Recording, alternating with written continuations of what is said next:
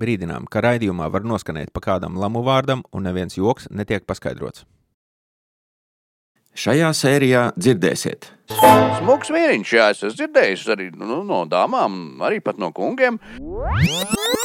Tā ir Krievijas militāra sakāve līdz pakāpei, kad tā vairs nevar darīt to, ko ir darījuši līdz šim.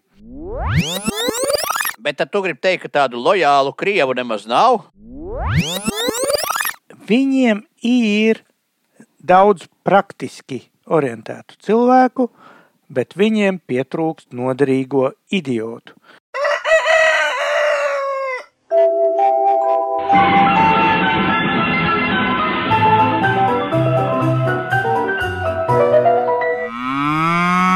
Jautājumi īsi provinces. Ja? Jā, jautājumi no provinces. Dzintris un Mārcis dzīvo laukos, bet nevar palikt vienaldzīgi pret valstī notiekošo. 22 nedēļas līdz vēlēšanām. Uztaisam tādu īsu sasaukšanos. Halo, Dzintrī, vai tu klausies, vai tu esi pievienots? Halo, halo, halo, es esmu savienots ar vadiem visādiem. Tur, es man liekas, pa daudz nekā vajadzētu, bet, nu, katrā ziņā ir. Man ir Mārcis, Mārcis, halo, vai tu dzirdi? Hudai berdiev, hudai berdiev, kto jā.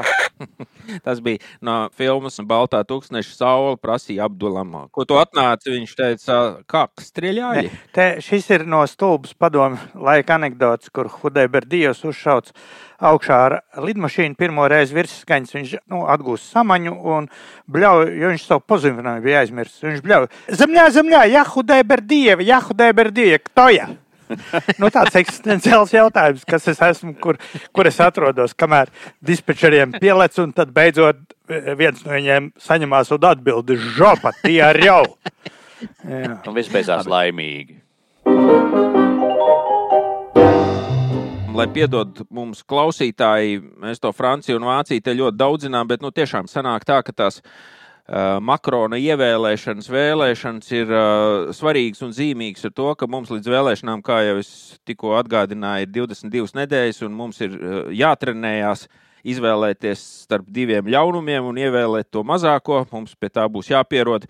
Bet, ja es pareizi saprotu, tad Mārcis ir vēl kaut kas, ko pielikt klāt, kaut ko viņš tur vēl ir svarīgi visā tajā pamanījis. Dosim vārdu Mārcim, un klausītājiem gribu pateikt, ka pēc tā, pēc tās Francijas būs arī par Latviju. Būs, būs. Tā Kā... Kamēr viņš nav sācis runāt, vai, vai, vai, vai var tur Putins viņu apsveicis, ir jau vai nav? Labs jautājums. Es nebiju nekur vēl redzējis. Pagaidām. Oh. Neviens nevienam vēl nav zvanījis.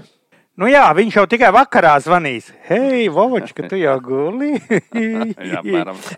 nu tā, ko tad tu tā karo, varbūt nē, vajag.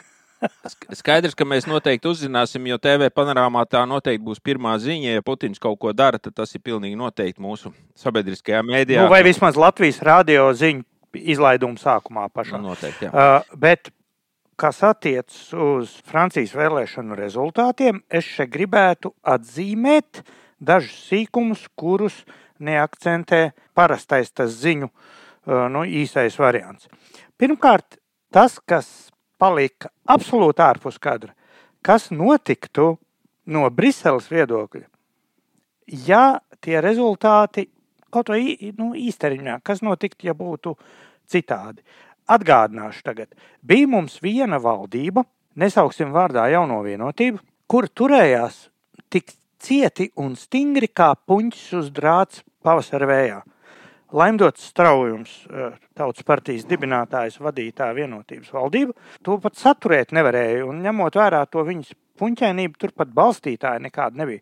Bet bija arguments, a, ko Eiropa teiks, jo tajā laikā Nacionālā biblioteka bija pilnībā atdota kam prezidentūrai. Latvijas republika bija Eiropas Savienības prezidente, un caur to, ja tajā brīdī krīt valdība, un tad nav skaidrs, kurš tur prezidē, nu, tad ir tā kā šmuts rados.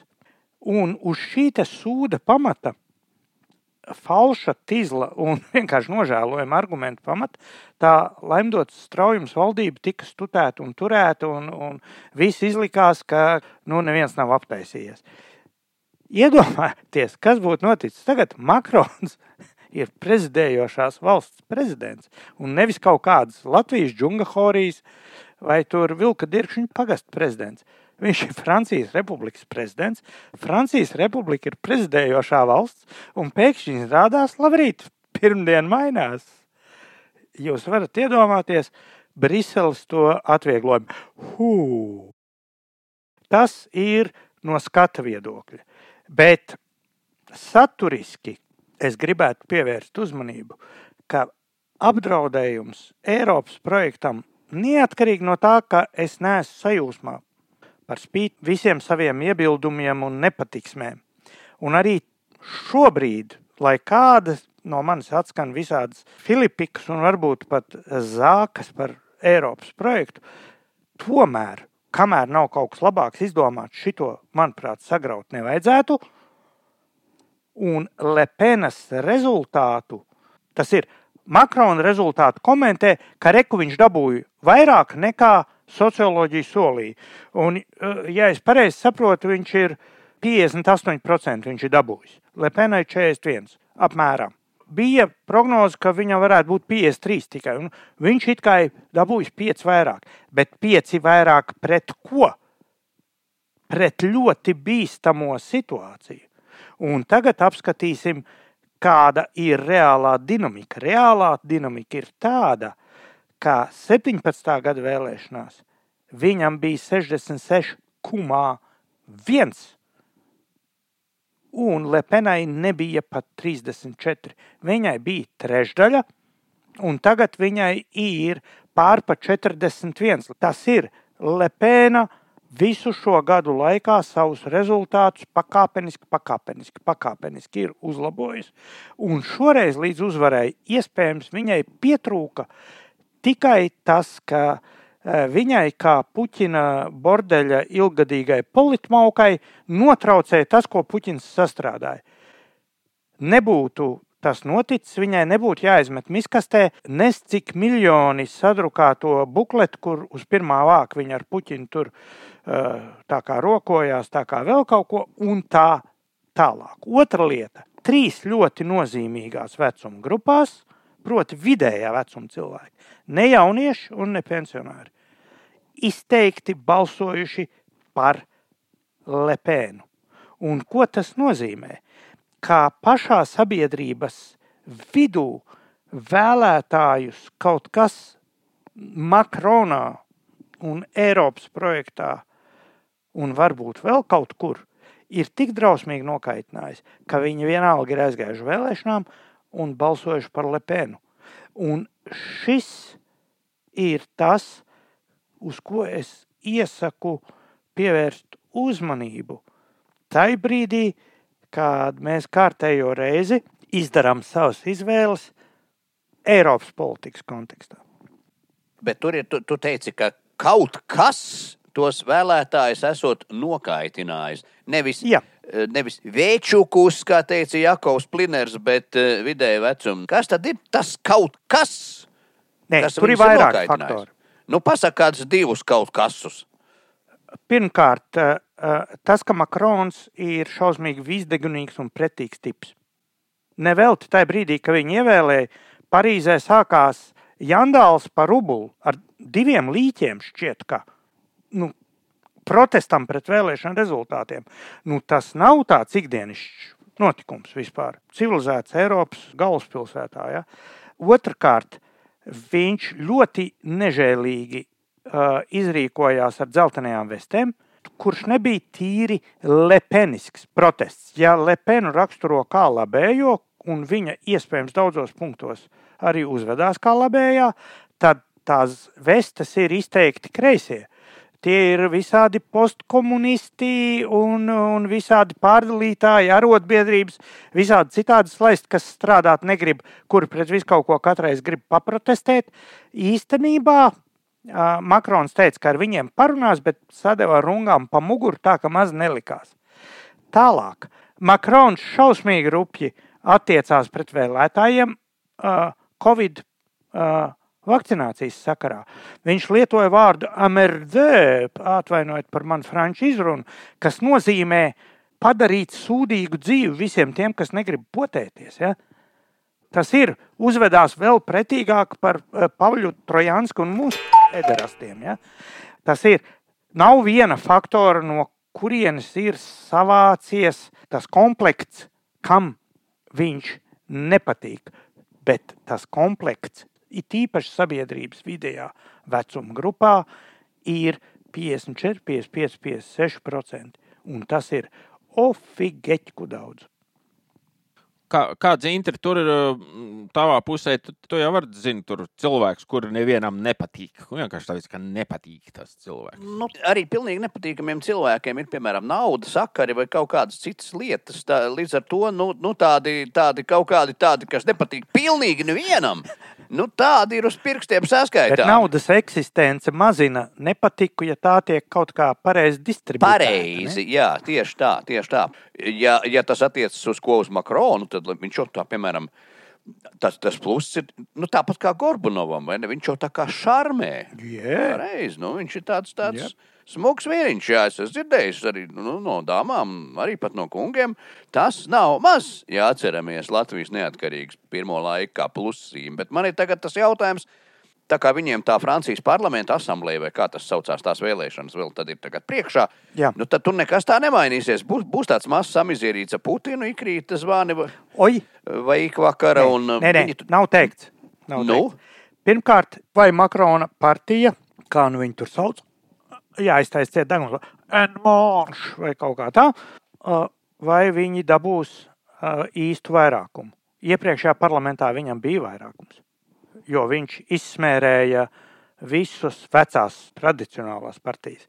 Viņam, ja vairākumu nebūs, viņam ir jāmeklē koalīcija. Tas jau izmainīs. Pretējā gadījumā, ja viņš nesavāc koalīciju, viņš dabū premjeru, ar kuru ir ļoti grūti sastrādāties franču netik vienkāršajā konstitucionālajā uzbūvē.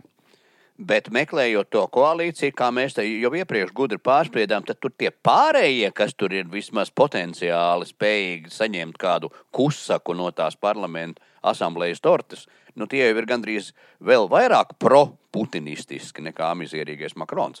Nē, tur ir raiba publika.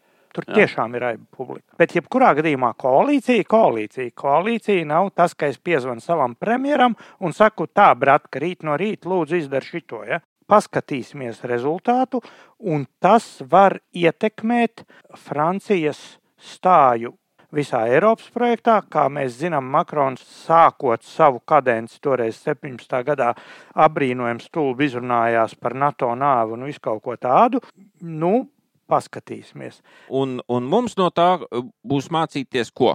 Droši vien to, ka tā vēlēšanas, tas vienmēr ir kaut kam sākums. Šitās te franču vēlēšanas ir sākums tikai nākamajiem sūdiem Francijā, un arī mūsu vēlēšanas mēs droši vien nodarbosimies ar to, ka paskatīsimies uz atpakaļ, vai ne, Mārcis, mums tāds plāniņš ir, Jā. kā viņš no saviem 60 un cik tur augstumiem nogāzās uz 50 knapiem, cik tur zemumiem.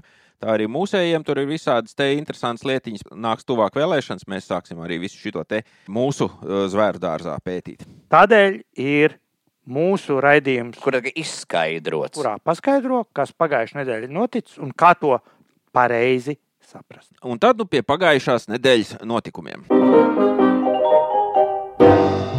2, 3, 4, 7, 7, 6, 6, 7. Brīvais telefons mūsu studijā.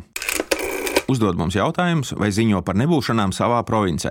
Gaidīsim no tevis zvanu, izziņu vai WhatsApp. Brīvais telefons 234 77 66 7. Pagājušās nedēļas notikumu ziņotājs šodien ir Dzintris. Pagājušās nedēļas notikums droši vien ir viens. Dzintri, kas tas ir par tādu notikumu? Jā, dīvainā veidā nu, viņš tika skeptiski uztverts pie kuģa veikala, sakot, ka tur nu, nekas nebūs. Sūds vien ir, kā teica krocinieks Palivets Šveikā.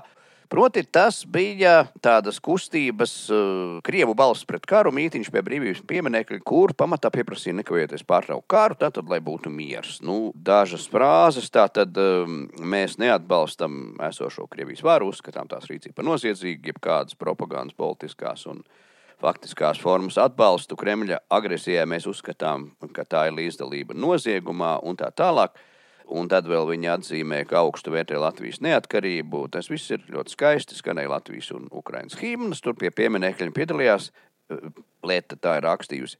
Vairāki simti cilvēku, kas, nu, tas ir daudz vai nav daudz. Man šķiet, ka tas ir tā kā dikti nedaudz salīdzinoši ar nu, to krievalodīgo skaitu, kas ir Latvijā. Bet, nu jā, tik cik bija, tik bija. Pasākumā uzrunas teica, nu kas gan to būtu domājis, kura aktrise? Protams, Čulpana Hamatova. Kas vēl teica runas? Dokumentālo filmu veidotājs Manskis, um, žurnāliste Olga Dragiļeva un citi. Nu, Olga, piemēram, sacīja, ka man bija ļoti grūti izlemt, ko teikt, jo šķiet, ka vārdi ir zaudējuši jēgu to zvērību priekšā, kuras Krievijas armija pastrādā Ukrainā un, un tā. Un, un Putins ir krievu valodas un krievu kultūras ienaidnieks. Un tā, un viņa nu, arī atzina, Olga Dragaļeva, ka paudžu paudzēs uh, dzimtā valoda nu, būs slepkava izvarotāja spīdzinātāju valodā. Nu, tā diezgan skarbi. Jā, valsts policija tā ir rakstījusi, ka mītīši noritēs tā kā mierīgi. Uh, nu, arī mierīgi. Redzi, kā arī šeit, nu, viņi tā kā pa mieru iestājās, bet tas miera jēdziens pats par sevi uh, nu, mēs viņu esam staipījuši ne tikai šī kara sakarā, ne tikai no 2014. gada. Īstenībā tā miera būšana velkas mums līdzi vismaz visu padomju laiku. Lai atļauts man citēt par to visādi stiepto, vērpto, griezto un, piedodiet, varoto mieru dažna, dažādās pozīcijās un veidos. Lūk, viens citāts.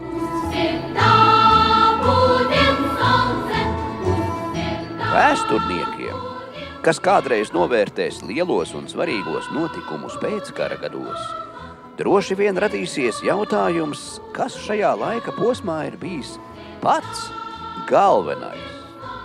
Un atbildēt nenāksies pārāk grūti. Tā ir visas cilvēces nerimtīgā cīņa par mieru. Autors Andrejs Balodis. Krievs, mans draugs ir gadījies, koļa viņu sauc, dzīvo tālā Maskavā ar traktoru viņš brauc. Andrejs Balodis, padomju latviešu dziesminieks, ir izvērtējis šo, ka ir cīņa par mieru. Īstenībā tā ir karš par mieru. Atjātņi ruskie, atjātņi ruskie, atjātņi ruskie, vai. Tādi dedzīgi miera cīnītāji ir arī šajā neatkarības laikā, un viena no tādām cīnītājām 2014. gadā lai man piedod, es teikšu tā kā krievu valodā, kā viņa ir teikusi. Я снова убедилась в том, что русские совсем по-другому воспринимают события на Украине, чем латыши и чем ангажированные европейские политики, русские думают о мире и переживают за своих братьев и сестер, украинцев и русских, родных, знакомых, друзей на Украине. Латыши живут в предвоенном состоянии. Šo frāzi ir teikusi daudzām paudzēm zināmā Tatjana Ždanoka – Tātad tas miera jēdziens ir tik stiepjams un murcāms gandrīz līdz neiedzībai, ka tu beigu beigās skaties, nu kā tajā Orvela, Orvela klasikas darbā, ka tas vairs nav miers, bet tas jau ir karš. Tā vairs nav cūka, bet tas jau atkal ir kaut kāds divkājainais. Atgādinu šo frāzi no tās, tā pēdējā mītiņa. Mēs neatbalstam esošo Krievijas varu, uzskatām tas rīcību par noziedzīgu un tā tālāk. Bet tas jautājums atkal ir, tad kaut ko vajadzētu tā kā darīt. Mēs, nu te, provinces jautājums, mēs no savas puses jau tā kā esam teikuši un apstiprinām, ka šī kara kontekstā smalki sakot, nu, mēs laikam tomēr esam par karu. Mēs esam Ukraiņu pusē karā, un mēs gribam, lai Ukraina šajā karā uzvar. Mēs esam par ieroču piegādēm, lai, lai ar tiem var vairāk un ātrāk nogalināt okupantus, par džipiem, par sniperšautenēm, par džavelīdiem, uh, par, kaut vai par maskēšanās tīkliem, kaut vai par to, ka mēs mēģinām šeit izvietot Ukraiņas bēgļus un ziedojam, ko nu katrs var saziedot. Un, ja krievu draugi bez, bez zemteksta šai gadījumā, ja viņi uzskatītu to par pareizi, esam, tad cienījamā Olga Dragiļeva jau nu noteikti noziņotu, ka viņa ir tikusies ar kādiem nu, tādiem cietpaurainiem konservatoriem kaut kur uh, manā pusdzimtajā puruciemā, vai es nezinu, Bolderā jau mēģinājusi izskaidrot. Un, ja tas tiktu filmēts, tad es patiešām cildinoši izsauktos, ka tas ir tas, kas mums vajadzīgs. Stiept miera jēdzienu šodien ir diezgan bezjēdzīgi un stipri, stipri provokatīvi. Aiziet vienā mītiņā vai publicēt vēstuli ar to, ka mēs esam pret karu. Nu, mīļie draugi, tas tā kā gauži, gauži, gauži nepietiek, manuprāt. Man nāca prātā vairākas domas, eh, redzot to reakciju uz to pasākumu pie brīvības pieminekļa. It īpaši ņemot vērā, ka ļoti daudz bija uzskaitināti cilvēku, kuri to nu, nolika līdzi zemi viscaur, pa simt procentiem. Ka tas viss ir garām, visi tur, nu, visi stulbi, nevajadzīgi un tā. Un, uh, šī pasākuma organizētāji varbūt dabū manā personā negaidītu aizstāvi daļā no punktiem.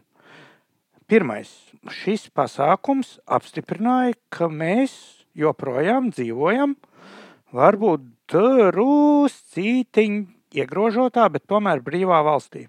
Un ja ir cilvēku grupa, kur var pamatot vēlmi izteikt savu viedokli publiski un var pamatot to, ka viņi netraucēs sabiedrisko kārtību un var pamatot to, ka šis te viss e, nav pretlikumīgi, viņi var dabūt atļauju savu viedokli publiski paust. Tas ir pozitīvi. Tā ir tāda tomēr zīme, ka mēs vēl joprojām piedaram pie rietumu tradīcijas. Otra lieta - pašas Olgas Dragļevas teksts ievērojami atšķīrās no visās tajās vēstulēs, nerunājot par kremlinisko visādu tur, to Serebreņiko un Čulpanu Humātovu svepstēto viņa savā runā skaidri pateica savu pozīciju pret Krieviju kā agresoru valsti. Un nosauca vārdā vienu no principiāliem momentiem, ka viņas dzimtajā valodā runā tie, kuri šobrīd pastrādā Ukrainā vaiprātīgus noziegumus. Šis ir kaut kas jauns, manuprāt, atzīmējams un, ja iespējams, saudzējams un vairojams. Kas attiecas uz pašu notikumu, viņš notika nevis 3. martā, kad latvieši sapulcējās uz pasākumu pie Krievijas vēstniecības. Viņš notika nevis 3. aprīlī, teiksim, krietni mēnesi vēlāk, viņš notika divus mēnešus pēc kara sākuma, kad ik katram kaut cik saprātīgam cilvēkam ir skaidrs, ka Ukraiņi šo karu vinnēs. Un līdz ar to Tajā brīdī pēkšņi stāstītā, jā, jā, jā, kā es neatbalstu agresoru, kad jau ir zināms, ka to agresoru izdrāzīs. Man tas izskatās pēc atmaskas mūsu kaimiņu valsts tautas valodā. Tālāk man parāva atmiņas par vēstulēm. Pirms šīs te sapulces bija tā 72 parakstītā vēstule, kuru mēs ar ļaunu prieku aptaisījām kādā no iepriekšējām sērijām. Līdzīgs notikums ir noticis Vācijā, relatīvi svaigi, kur Šolcam adresētu vēstuli ir uzrakstījuši tā saucamie vācu intelektuāļi un sabiedriskās domas, nu, kaut kas. Un tas, ko viņi tur ir uzrakstījuši, ir absolūti tas pats, ko stāsta profesionāli Kremlini. Proti, Kāpēc tā Ukraina nepadodas? Viņi tikai palielina šausmas. Steidzami jāpārtrauc. Viņi vēršas pie Šolca. Vācijas un Eiropas Savienības atbalsts Ukrainai, jo tādā veidā viņi tikai vairo upurus. Ukrainai steidzami jāpadodas, lai mazinātu upurus. Jūs iedomājaties, līdz kādai nelietīgai maucībai ir spiesti noslīdēt šie tā saucamie intelektuāļi īstenībā pilnīgi deģenerāti. Nevelti vācu oficiozās mājaslapas šo te tekstu nepārraksta. viņš iespējams ir tikpat grūti atrodams, kā man atmiņā uznākusi daudzajo Latvijas sabiedrisko darbinieku un sabiedrībā pazīstamo cilvēku atbalsta vēstule Ivanam Haritonovam ar aicinājumu viņu steidzami izpestīt no čoka. Es atceros, kā Kreitus stāstīja, ka viņš nemaz to vēstuli nav nesis, ka viņš citu vēstuli nesis un te iedevis Čeveram.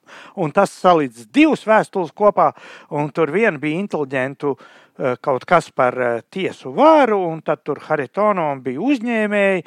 Nu, var saprast, kādu uzņēmēju tur tā kā pārpa 300 cilvēku par abiem salasījās kopā, un vairs to vēstuli nevar atrast.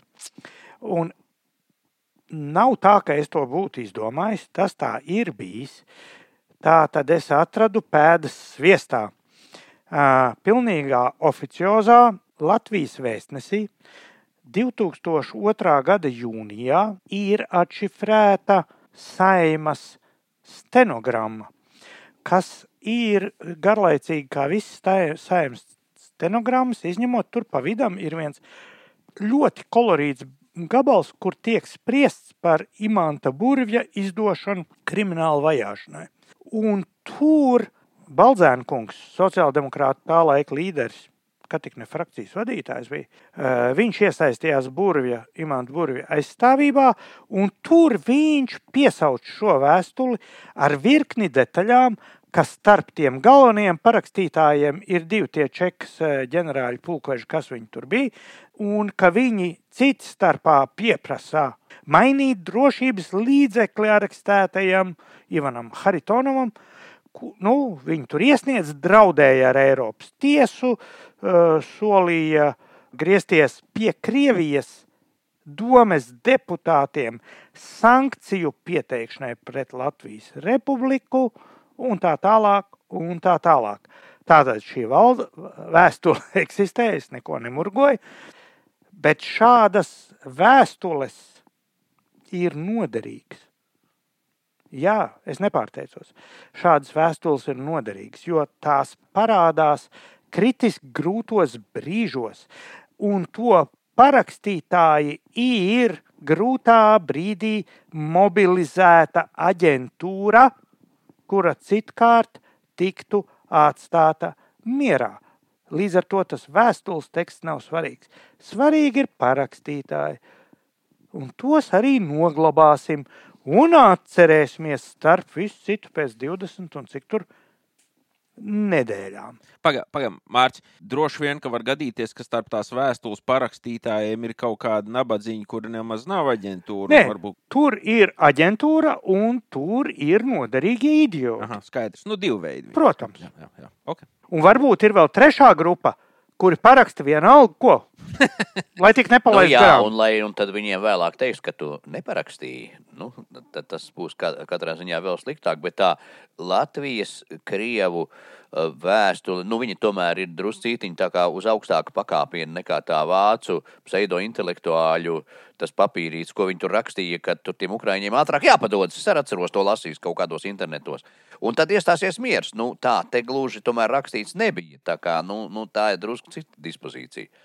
Bet saturiski par jautājumā par mieru un karu situācija kļūst skaidrāka ikdienas. Svētdien Kijevā Pie prezidenta Zelenska vizītē bija divas augstākās un ietekmīgākās pasaules augstākās un ietekmīgākās amatpersonas - ASV valsts sekretārs un aizsardzības sekretārs, latviešu tulkojot ārlietu ministrs un aizsardzības ministrs. Tas, par ko ir sprieduši dal, daļēji, kļūst pilnīgi skaidrs no brīfinga, kas notika turpat uz vietas un ko CNN atkārtoja visas pirmdienas garumā. Ka runa vairs nav pār kaut kādu abstraktu palīdzību Ukrainai. Ka runa ir par uzvaru. Un to teica nevis uh, pasak vīriņš Arestovičs, nevis prezidents Zelenskis. To teica Amerikas Savienoto Valstu aizsardzības sekretārs. Runa ir par uzvaru. Es atkārtošu, nevis kara izbeigšanu. un nevis mieru. Runa ir par uzvaru, un sekretārs Ostins pa punktiem noskaitīja. Uzvaras pirmais priekšnosacījums ir ticēt uzvarai. Otrs priekšnosacījums ir vēlēšanās cīnīties par uzvaru. Un viņš teica, to mēs šeit redzam, mēs, amerikāņi, šeit, Kijavā, mēs to redzam pilnā mērā. Un tad trešais ir par iespējām, kuras mēs, amerikāņi, dosim, cik vajag, lai izcīnītu uzvaru. Nevis mieru, lai izcīnītu uzvaru. Un viņš plus tam visam, un es pirmajā brīdī neticēju tam, ko es dzirdēju. Pēc tam CNN mājaslapā patinu un paskatījos vēl vienreiz. Viņš formulēja šīs uzvaras mērķi. Šīs uzvaras mērķis nav miers, šīs uzvaras mērķis nav Ukraiņas teritorijas atbrīvošana. Šīs uzvaras mērķis ir Krievijas būtiska novājināšana, lai tā nevarētu darīt to, ko tā ir darījusi līdz šim. Tas ir pilnīgi principiāli jauns. Es te pat nerunāšu par puņķaino šolcu vai vārgulīgo Eiropu. Šis ir principiāli jauns uzstādījums. Šonedēļ, šai brīdī, kad mūsu raidījums iet gaisā, iespējams, balsojums Amerikas kongresā jau būs bijis, bet ja ne, tad kur katru brīdi būs par Lendlīz mehānismu palaišanu eh, par labu Ukrainai. Ko tas nozīmē? Tulkosim latviski. Līdz šim visa palīdzība, kas tika dota, bija no kaut kādiem militāriem krājumiem. No noliktavām, no rezervēm, no pašu armijas krājumiem.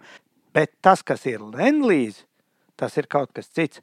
Ka neatkarīgi no krājumiem, no kuriem tiek palīdzēts Ukrainai, Amerikas ražotāji ieroču var sākt piegādāt Ukrainai pataisno. Tas ir kara mērķis ir pateikts skaidri. Tā ir uzvara un nevis tur kaut kāda Luhanskas eh, vai, vai cita kāda uh, rajona atbrīvošana. Tā ir Krievijas militāra sakāve līdz pakāpei, kad tā vairs nevar darīt to, ko ir darījuši līdz šim. Līdz ar to nu pat ir skaidrs, ka tie, kuri nejēgā muldēja par Puķina karu, faktiski centās jau iepriekš attaisnot ārprātīgos noziegumus Bučā un daudz kur citur. Saka, tie krievi, ka tie, tie jau neko, Puķins bumbo, Puķins laupa, Puķins izvaro, Puķins slepkavo. Es ceru, šis jautājums ir visiem skaidrs. Nu, izņemot Latvijas Republikas veselības ministriju, kur joprojām šī orku atmazgājošā frāze ir, bija Nu, vismaz pagājušo nedēļu bija atrodama viņa mājaslapā. Un ļoti svarīgs punkts tagad tieši tam, ko mēs iepriekš tikko izrunājām. Tie, kas šobrīd, un nav svarīgi stulbuma, nesaprašanas vai ļaunprātības dēļ, iestājas par kara pārtraukšanu, nevis par uzvaru, kur saka, mēs par mieru, mēs pret karu pārtraucam, stop war, pārtrauciet karu. Tie faktiski iestājas par to, lai mēs turpmāk tiktu apdraudēti, aplaupīti, izvaroti, spīdzināti un slepkavoti. Jo orki to darīs, ja viņiem būs iespēja. Vienīgā mūsu iespēja to novērst ir karš līdz uzvarai, nevis stulbs miers. Nav tā, ka miera nav nemaz, bet vispirms ir uzvara. Uzvara un tad ir miers. Nevis miers, un tad bezgalīgas sarunas Normandijas, Minskas, Čeļābinskas, Kenigsbergas vai kādā citā formātā par kaut ko, ko mēs ļoti redzam no 2014. 14. gada, kur toreiz uh, Lukašenko kartes rādīšanas vietā lielījās, ka viņš nes kafijas kānas visu nakti, un, un tas būs tas labākais, un viss notikšot.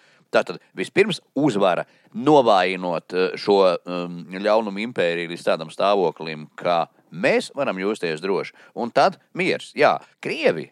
Un, ja viņi patiešām ir par šādu uzvaru, varētu ļoti daudz ko labu darīt reāli. Mītiņi vai vēstules ik pa divu nedēļu diapazonam, protams, ir kaut kas, bet tas ne tuvu nav viss šeit. Dzintrī, dzintrī, jā, dzintrī. Nu? Abi krievi, kuri ir šajās pozīcijās. Kādi abi? Tu lietoji daudz skaitli. Nu, es pieņemu, ka Latvijā varētu būt divi krievi, kas aizstāv mūsu šo pozīciju. Vai tu varētu viņus nosaukt? Nē, nē, es, tā, es, tam, es tam nepiekrītu. Es domāju, ka tik maz nav. Kaut vai tāpēc ir gluži pragmatiski iemesli. Ir kaut kādi krievi, kur varbūt nu, nu, viņi nu, nav necik lieli patrioti, bet viņiem ir vienkārši sadirsts bizness. Un no tā rodas naids un dusmas. Jā. Arī tas ir dzenošs arguments, nevis liels patriotisms. Tādu mārci būs vairāk kā divi. Jā, bet biznesa neatjaunosies līdz 35. gadam. Bet tad tu gribi teikt, ka tādu lojālu krievu nemaz nav? Nē, viņi ir lojāli, bet līdz tam brīdim, lai viņi vēlētu sagrāvi tai valstī, kas visu laiku ir devusi siltumu, no kura viņi ir starojuši, ir milzu soli. Jā, jo, jo ja paskatās Twitterī, tur ir ārkārtīgi naidīgi krievi, bet viņi ir Krievijā pārsvarā. Vai nu aizbēguši Jā. no Krievijas, vai ko. Ir Jā. reāli šie te, šo, šo te dzēnu iznīcināt Krieviju, un to Jā. paši Krievi dzēn, bet tie nav, Jā. viņi nebija pie Jā. mums mītiņā.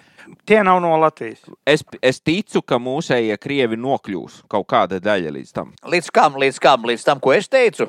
Nē, līdz šai sapratnē par to, ka vajag močīt. Ka, ka nekas nebūs, ja neizmočīs. Ja tā valsts tur pastāvēs, vienota valsts kaut kāda navaļnī priekšpusē, tad mums būs vēl sūdīgāk. Tas ir vēl lielāks Bet draudz. tu domā, ka tādu krievu, kas saka, ka vajag močīt, šobrīd Latvijā nav, vai ir divi? Nu, publiski Nav jau redzēti. Nav. Publiski jau nav.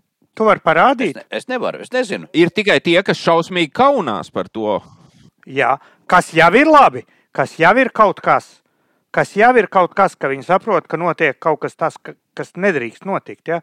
Ka izcilās kultūras vārdā notiek vaiprāts. Un viņiem ir par to kauns, ka vaiprāta veicēji, izvarotāji, marodieri un slepkavs runā viņu Jā, dzimtajā jā, valodā.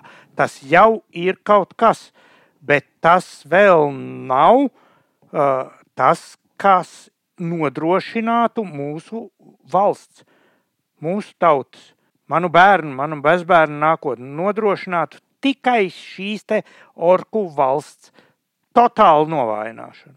Par to es piekrītu, bet par to es piekrītu. Es īsti nepiekrītu, ka Latvijā nav neviena tāda krieva, kurš tieši tāpat to karstību nevēlētos.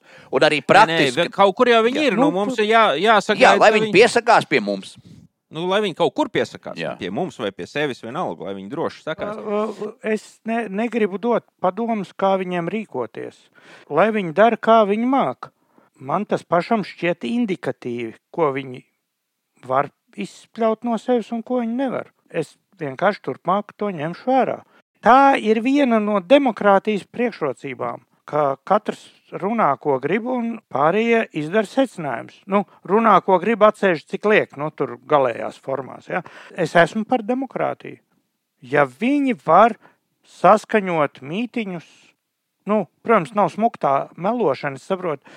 Tā pati te manis slavētā Olga Dragļeva tur teica, ka nu pusotrs tūkstots tur ir bijis. Ja? Ja, ja tur bija pusotrs tūkstots, tad es esmu 5 metru garš. Ja? Nu, tas tā, nu, tik primitīvi meli cilvēkiem, kur taisās tā kā vēstīt patiesību, nu, nu nepiestāv, neglīt vienkārši. Var sakot, vēlēsim veiksmus un gaidīsim turpinājumu. Ar interesi gaidīsim. Ja tev patīk jautājums no provinces un brīvu cilvēku brīvas sarunas, tad sniedz palīdzīgu roku raidījumu veidotājiem. Nenoskaud 5 vai 10 eiro, lai arī turpmāk Mārcis un Zintris katru trešdienu var jandalēt un figurēt par to, kas svarīgs mūsu provincē. Pogu, ko spiest, lai pārsūtītu mums naudu, atradīs katras sērijas aprakstā, bet tiem, kuriem rocība neļauj piestiķēt, nepārdzīvojat, raidījums arī turpmāk būs dzirdams ikvienam. Mums ir mīļi visi mūsu klausītāji, bet īpaši tie, kuri nav skopi.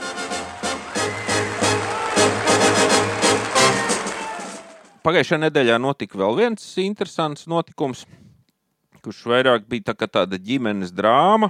Tā notikuma atskaņas vēl šodien, kad mēs rakstām raidījumu, turpinās un droši vien turpināsies vēl dažas dienas. Tur varbūt būs vēl kādi jauni pagriezieni, bet, bet tomēr pati pa sev drāma arī bija ievērības cienīga un varbūt arī dzintris ir pamanījis. Tu dzintri saproti, pa kuru ģimenes drāmu es runāju. Jā, es nezinu, vai tā ir aprēķina laulība īsti varbūt tā nevarētu teikt, jo nu, nu, kaut kādi pamati tur, tur tā, tādai kopīgai padarīšanai ir. Tā skaitā viens pamats ir nauda, kuras vienam ir un otram tā kā tik daudz nav, bet arī tik gribētos, un tam pirmajam, kam ir nauda, tam atkal gribētos drusciņu vairāk kā kaut kādas slavas, bet nu kaut kādas virsvērtības, kuras laikam sauc tā kā par liberālistiskajām vai kādām, nu vienu vārdu sakot, jau pirms uh, iepriekšējām vēlēšanām tika domāts par to, ka visus tos nacionālistiskos tumšos spēkus vajag, vajadzētu tā kā bīdīt malā. Vieni ir eh, pārāk tādi nacionāli, un citi ir korumpējušies, un tagad nāks jauni, labi, godīgi un ļoti liberāli. Un beig, beigās eh, daži no, no šiem spēkiem, gan ar mūldēšanu, gan ar naudu, guva tīri labus panākumus, ielica saimā.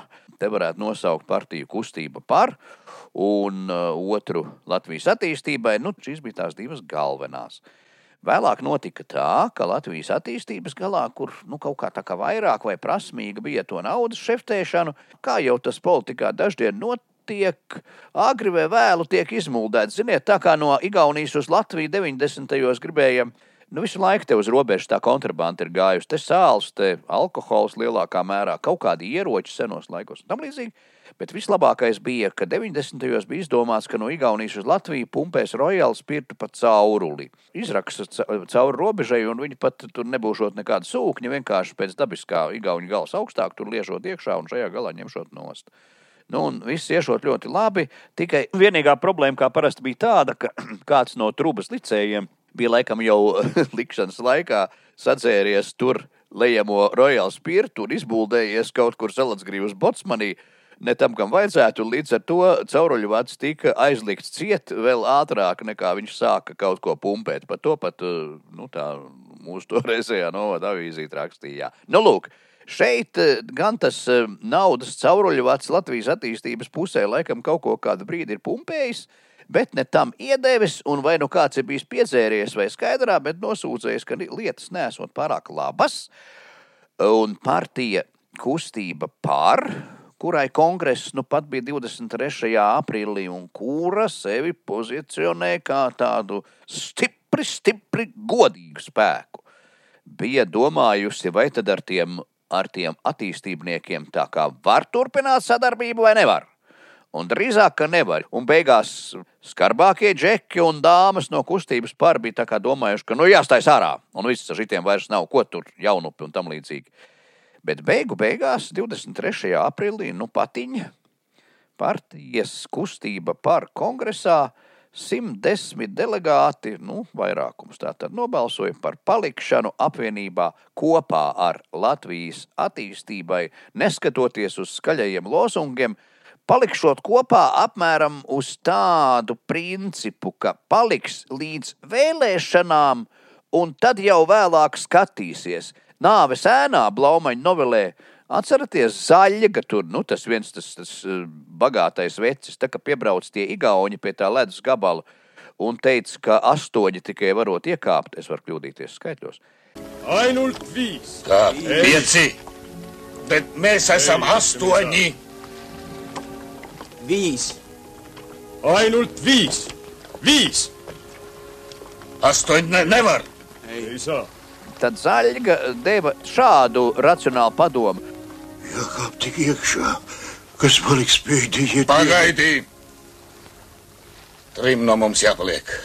Pēc tam ir izcēlusies tāda jēzga visiem pieejamajiem sociālajos tīklos. Lūk, es tos cilvēkus dažus nezinu, dažus zinu. Lūk, Ivars Austers raksta tā Marija acīm redzot, Golubovs kundze domāt, Marija.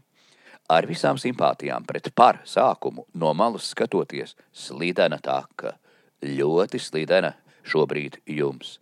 Jānis Palkaunieks turpina, man ļoti sāp sirds tieši par cilvēkiem. Tagad es esmu reāli apjucis un nesaprotu, kas ir noticis. Marija Golubeva uz Jāni Palkaunieku asi Varbūt esot biznesā grūti pamanīt, cik stīva, iniciatīvas macējoša vide bija valsts pārvaldē, un cik grūti bija atrast domu biedrus, kuriem moderna, brīva sabiedrība ir mērķis. Stulbi atteikties no šīs partnerības, tāpēc ka kāds pirms gada, pusotra ir sācis kampaņu, lai mēs šķēltos. Iveta Kažoka pikti uz Mariju. Marija pirms pusotra gada kļuva skaidrs, ka viena saimā pārstāvētā partija tika ilgstoši sistēmiski finansēta caur starpniekiem. Patiesais naudas devējs un viņa intereses nezināmas, nojaušami tikai pēc turpmākajiem lēmumiem. To tiešām var norakstīt kā kampaņu. Juris Pūce no malas iejaukdamies. Iveta, nu pat knabtakš ir atzinis, ka nekas tāds kā raksti nav noticis. Māris Mičerevskis no aizskatuves. Nu, bet naudu tak tu man sistēmiski devi, ne? Priekškars.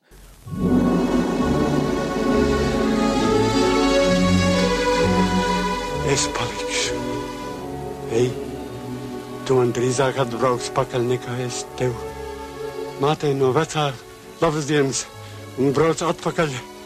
Es nevaru. Ej kā plaivā, es neiešu.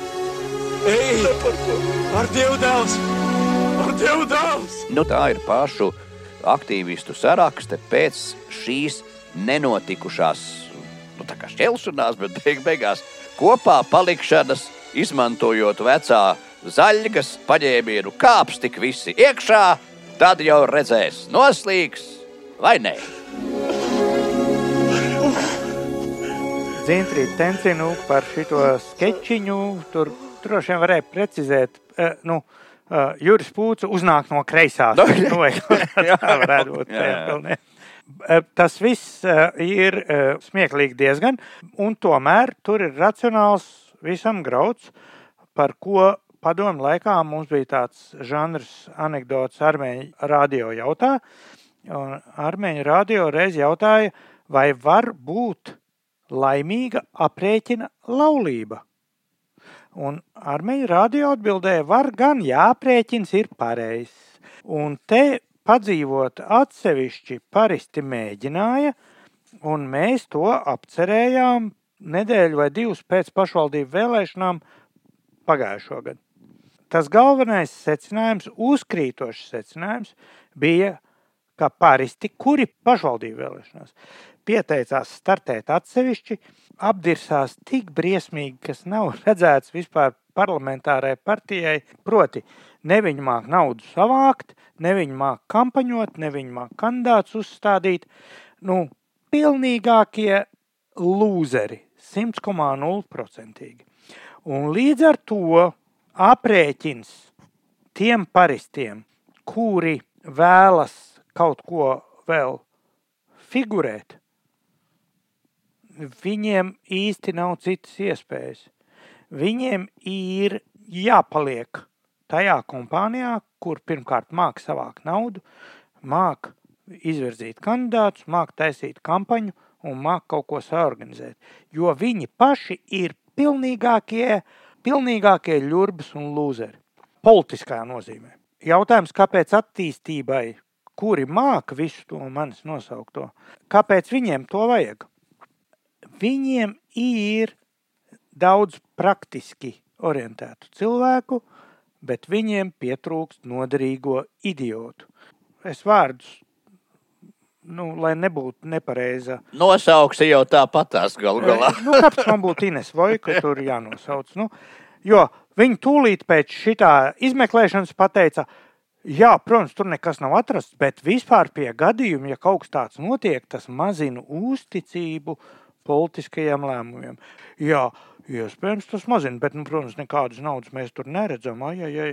Tas ir noderīgo idiotu ziņā, savukārt viss tā pavļutiskā banda, eh, viņiem ir ļoti laba piegāde. Un šeit tiešām ir aprēķina laulība, kur aprēķins līdz šim ir bijis pareizs un iespējams būs mēreni pareizs arī uz nākošajām vēlēšanām. Līdz ar to man divi momenti nāk no visa šitā te. Pirmais ir secinājums par to knābu brīnumaino izmeklēšanu jautājumā, kas ir diezgan smags krimināls pants. Partiju finansēšanas pārkāpšana ir krimināla sodāma. Ja ir pārkāpta partiju finansēšana, slēpta avoti un tā tālāk, tas ir AML, kas ir drūmākais krimināls kur ir smagi panti, konfiskācijas, īpašumu un tā tālāk. Nekas no šī tuvumā tur nav noticis. Te nu būtu mans secinājums.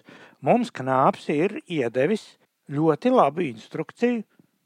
Pirmkārt, paziņojot, ka partiju ziedošanas kriminalizācija ir tīrākā fikcija. Tas, par ko visa veida Vojkas tur un uh, Ivets Kažoks un viss tur auroja, ka tagad mēs iedosim partijām miljoniem naudu, lai nebūtu tur to pārkāpumu. Miljonu naudas paņēma, kas, protams, netraucēja darīt visu iepriekš darāmo, tikai no ar plus miljoniem paņemtiem. Ja? Bet viņi pie reizes tagad iedeva instrukciju, kas ir jādara, lai nejauši nepakļūtu zem tā kriminālās uh, ratiem, lai neuzveļas. Pirmkārt, svarīgi ir nezaudēt ietekmi. Proti, KPV Atcerēsimies tur kaimiņu, atcerēsimies, kā to Jēkabils šito aristokrātu. Ģirģenu. Mūžīgi aizmirst. Zakatisto, Zakatisto, viņus ar roku dzelžiem cietumā ielika par 200 eiro maksājumu. 200. Nevis par tūkstošiem nelikumīgu ziedojumu, vienkārši par pilnīgu huņu. Uh, Zakatisto gadījumā tas vispār ir smieklīgi par to, ka pieņemšanas nodošanas akts nav parakstīts pareizi. Ja?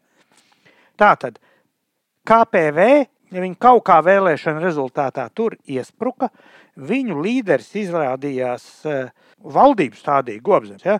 Izrādījās nu, nu, visiem lūzeriem lūzeris. Ja? Un ietekme izjuka, frakcija izjuka, partija de facto izjuka, un viņu līderis varēja pat uz pāris dienām iesēdināt tikpat kā pa nepako iepretim pūcis visiem varoņdarbiem. Tātad tiem, kas grib turpināt partiju finansēšanu bez riska, ir svarīgi. Punkts pirmais. Nezaudēt ietekmi, tā skaitā pār knāba vadītāju konkursu. Otrs, ļoti svarīgi, naudu dalīt prātīgi. Jo tas, par ko tie administratīvie akti tur ir sastādīti un iespējams lietas ierosināts, ir nevis par nelikumīgu finansēšanu, bet par to, ka tie, kas ir finansējuši, nav uzmanīgi apstījušies savus ienākumu deklarācijas, ka viņi ir kaut ko vairāk noziedojuši, noziedojuši nekā viņiem tur tajās bilancēs ir atļauts. Tālāk ļoti svarīgs punkts ir raudzīties, lai var termiņus arī sadalīt, lai tos termiņus var ievilkt. Jo viens no punktiem, kāpēc tā krimināla procesa nav, ir tas, ka ir nokavēti procesuālie termiņi, ka ir noilgums iestājies. Ak, vai dieniņi pavilkām garumā, un ha, termiņš izbeidzies, vai dieniņi kāds izbrīns. No pašu organizatoru viedokļa ļoti svarīgi ir tas, ko māca visi čekisti, tas, ko darīja visi krievu sportisti jautājumos par dopingu ar eh, biedri Juris Savicka sirsnīgi atbalstu un tas, ko dara vienmēr visi čekisti un tā tālāk. Neatzīties ne par ko, turpināt melot, lai cik tīzli un bezskaunīgi tas būtu. Nu, administratīvs sots pats par sevi nu, neliecina par ļaunprātību un arī neliecina par sistēmiskumu. Taču politisko partiju finansēšana un tās godprāts ir pamatu pamatā godīgai politikai. Turpināt melot. Un tas, kas ļoti noder, ir paturēt saimniecībā noderīgus idiotus. Jo tas ir vajadzīgs, lai uzturētu šo tīzlo melošanu. Līdz ar to interesantais nākotnē, kam būtu jāseko, ir tas, kur spruks tie naivie paristi, kuri tur eh, histēriski atmetuši bizi un izstājušies vai, vai arī apstājušies. Nu, izstājušies vai apstājušies. Jā. Kur viņi paliks, ja viņi ir sociāli, politiski aktīvi, viņiem faktiski tas ceļš ir iezīmējies uz progresīvajiem. Un te ir tālākais, ko mums skatīt, ir tas, ka no partijas pirms brīža ar baigo pompu izstājās viens no partijas iecerētajiem vēlēšanu līderiem Mārtiņš Staķis. Un tā kā viņš ir izstājies no attīstībai par, viņš balstās tikai uz progresīvo balsīm. Ja tas pienesums tālāk ir pie progresīvajiem, būtu interesanti paskatīt, kā knapi attīstīs turpmāk to Kosoviča lietu, pseido kukuļošanas, kas bija nu, pilnīgs, nu, es pat nezinu, kā to nosaukt. Pie mums slimnīcā to sauc par, par, par tripertēju. Ja? Tas, tas vispār nekas nebija. Ja? Kā viņš iznāca un teica, mani te kukuļoja, un staķis tur pie Reku Kosovičs labs, viņu kukuļoja, un viņš nepiekukuļojās. Un, kur ir lieta knābā? Uh, paskatīsimies, kā iegriezīsies. Kurš tur beigās būs vainīgais? Jo attīstībai par finansēšanas lietās šobrīd vienīgais skaidri vainīgais ir mūsu raidījuma viesis Žmeičarovskis vai uzvārdā īstā Mičerevskis. Ja? Jo viņš ir atzinies, ka viņš ir piedalījies naudas atmazgāšanā, partiju finansēšanas pārkāpšanā, nu, vismaz šajās divās nelikumībās viņš skaidri atzinies, un eh, pazīstamais sīkzaglis un lielzādzībās šobrīd nepieķertais Juris Pūce, viņu toreiz draudēja sūdzēt tiesā par apmelošanu, un viņam ieteica pieturēt to papīru, kamēr būs knāba rezultāts. Ja? Nu, knāba rezultāts ir tāds, ka Juris Pūce nekur nav vainīgs. Atgādināšu, knāba neatrada organizatoru, kurš to visu naudu būtu savācis. Pie kam, lai neatrastu šo organizatoru, knābi papūlējās neizsaukt Juri Pūcu uz pratināšanu, uz kuru tieši norādīja Māris Mičerevskis. Tātad knāps ir diezgan papūlējies, lai neatklātu un lai dotu pamatu Mičerevski tomēr iesūdzēt par vismaz par eh, šito uh, negoda celšanu.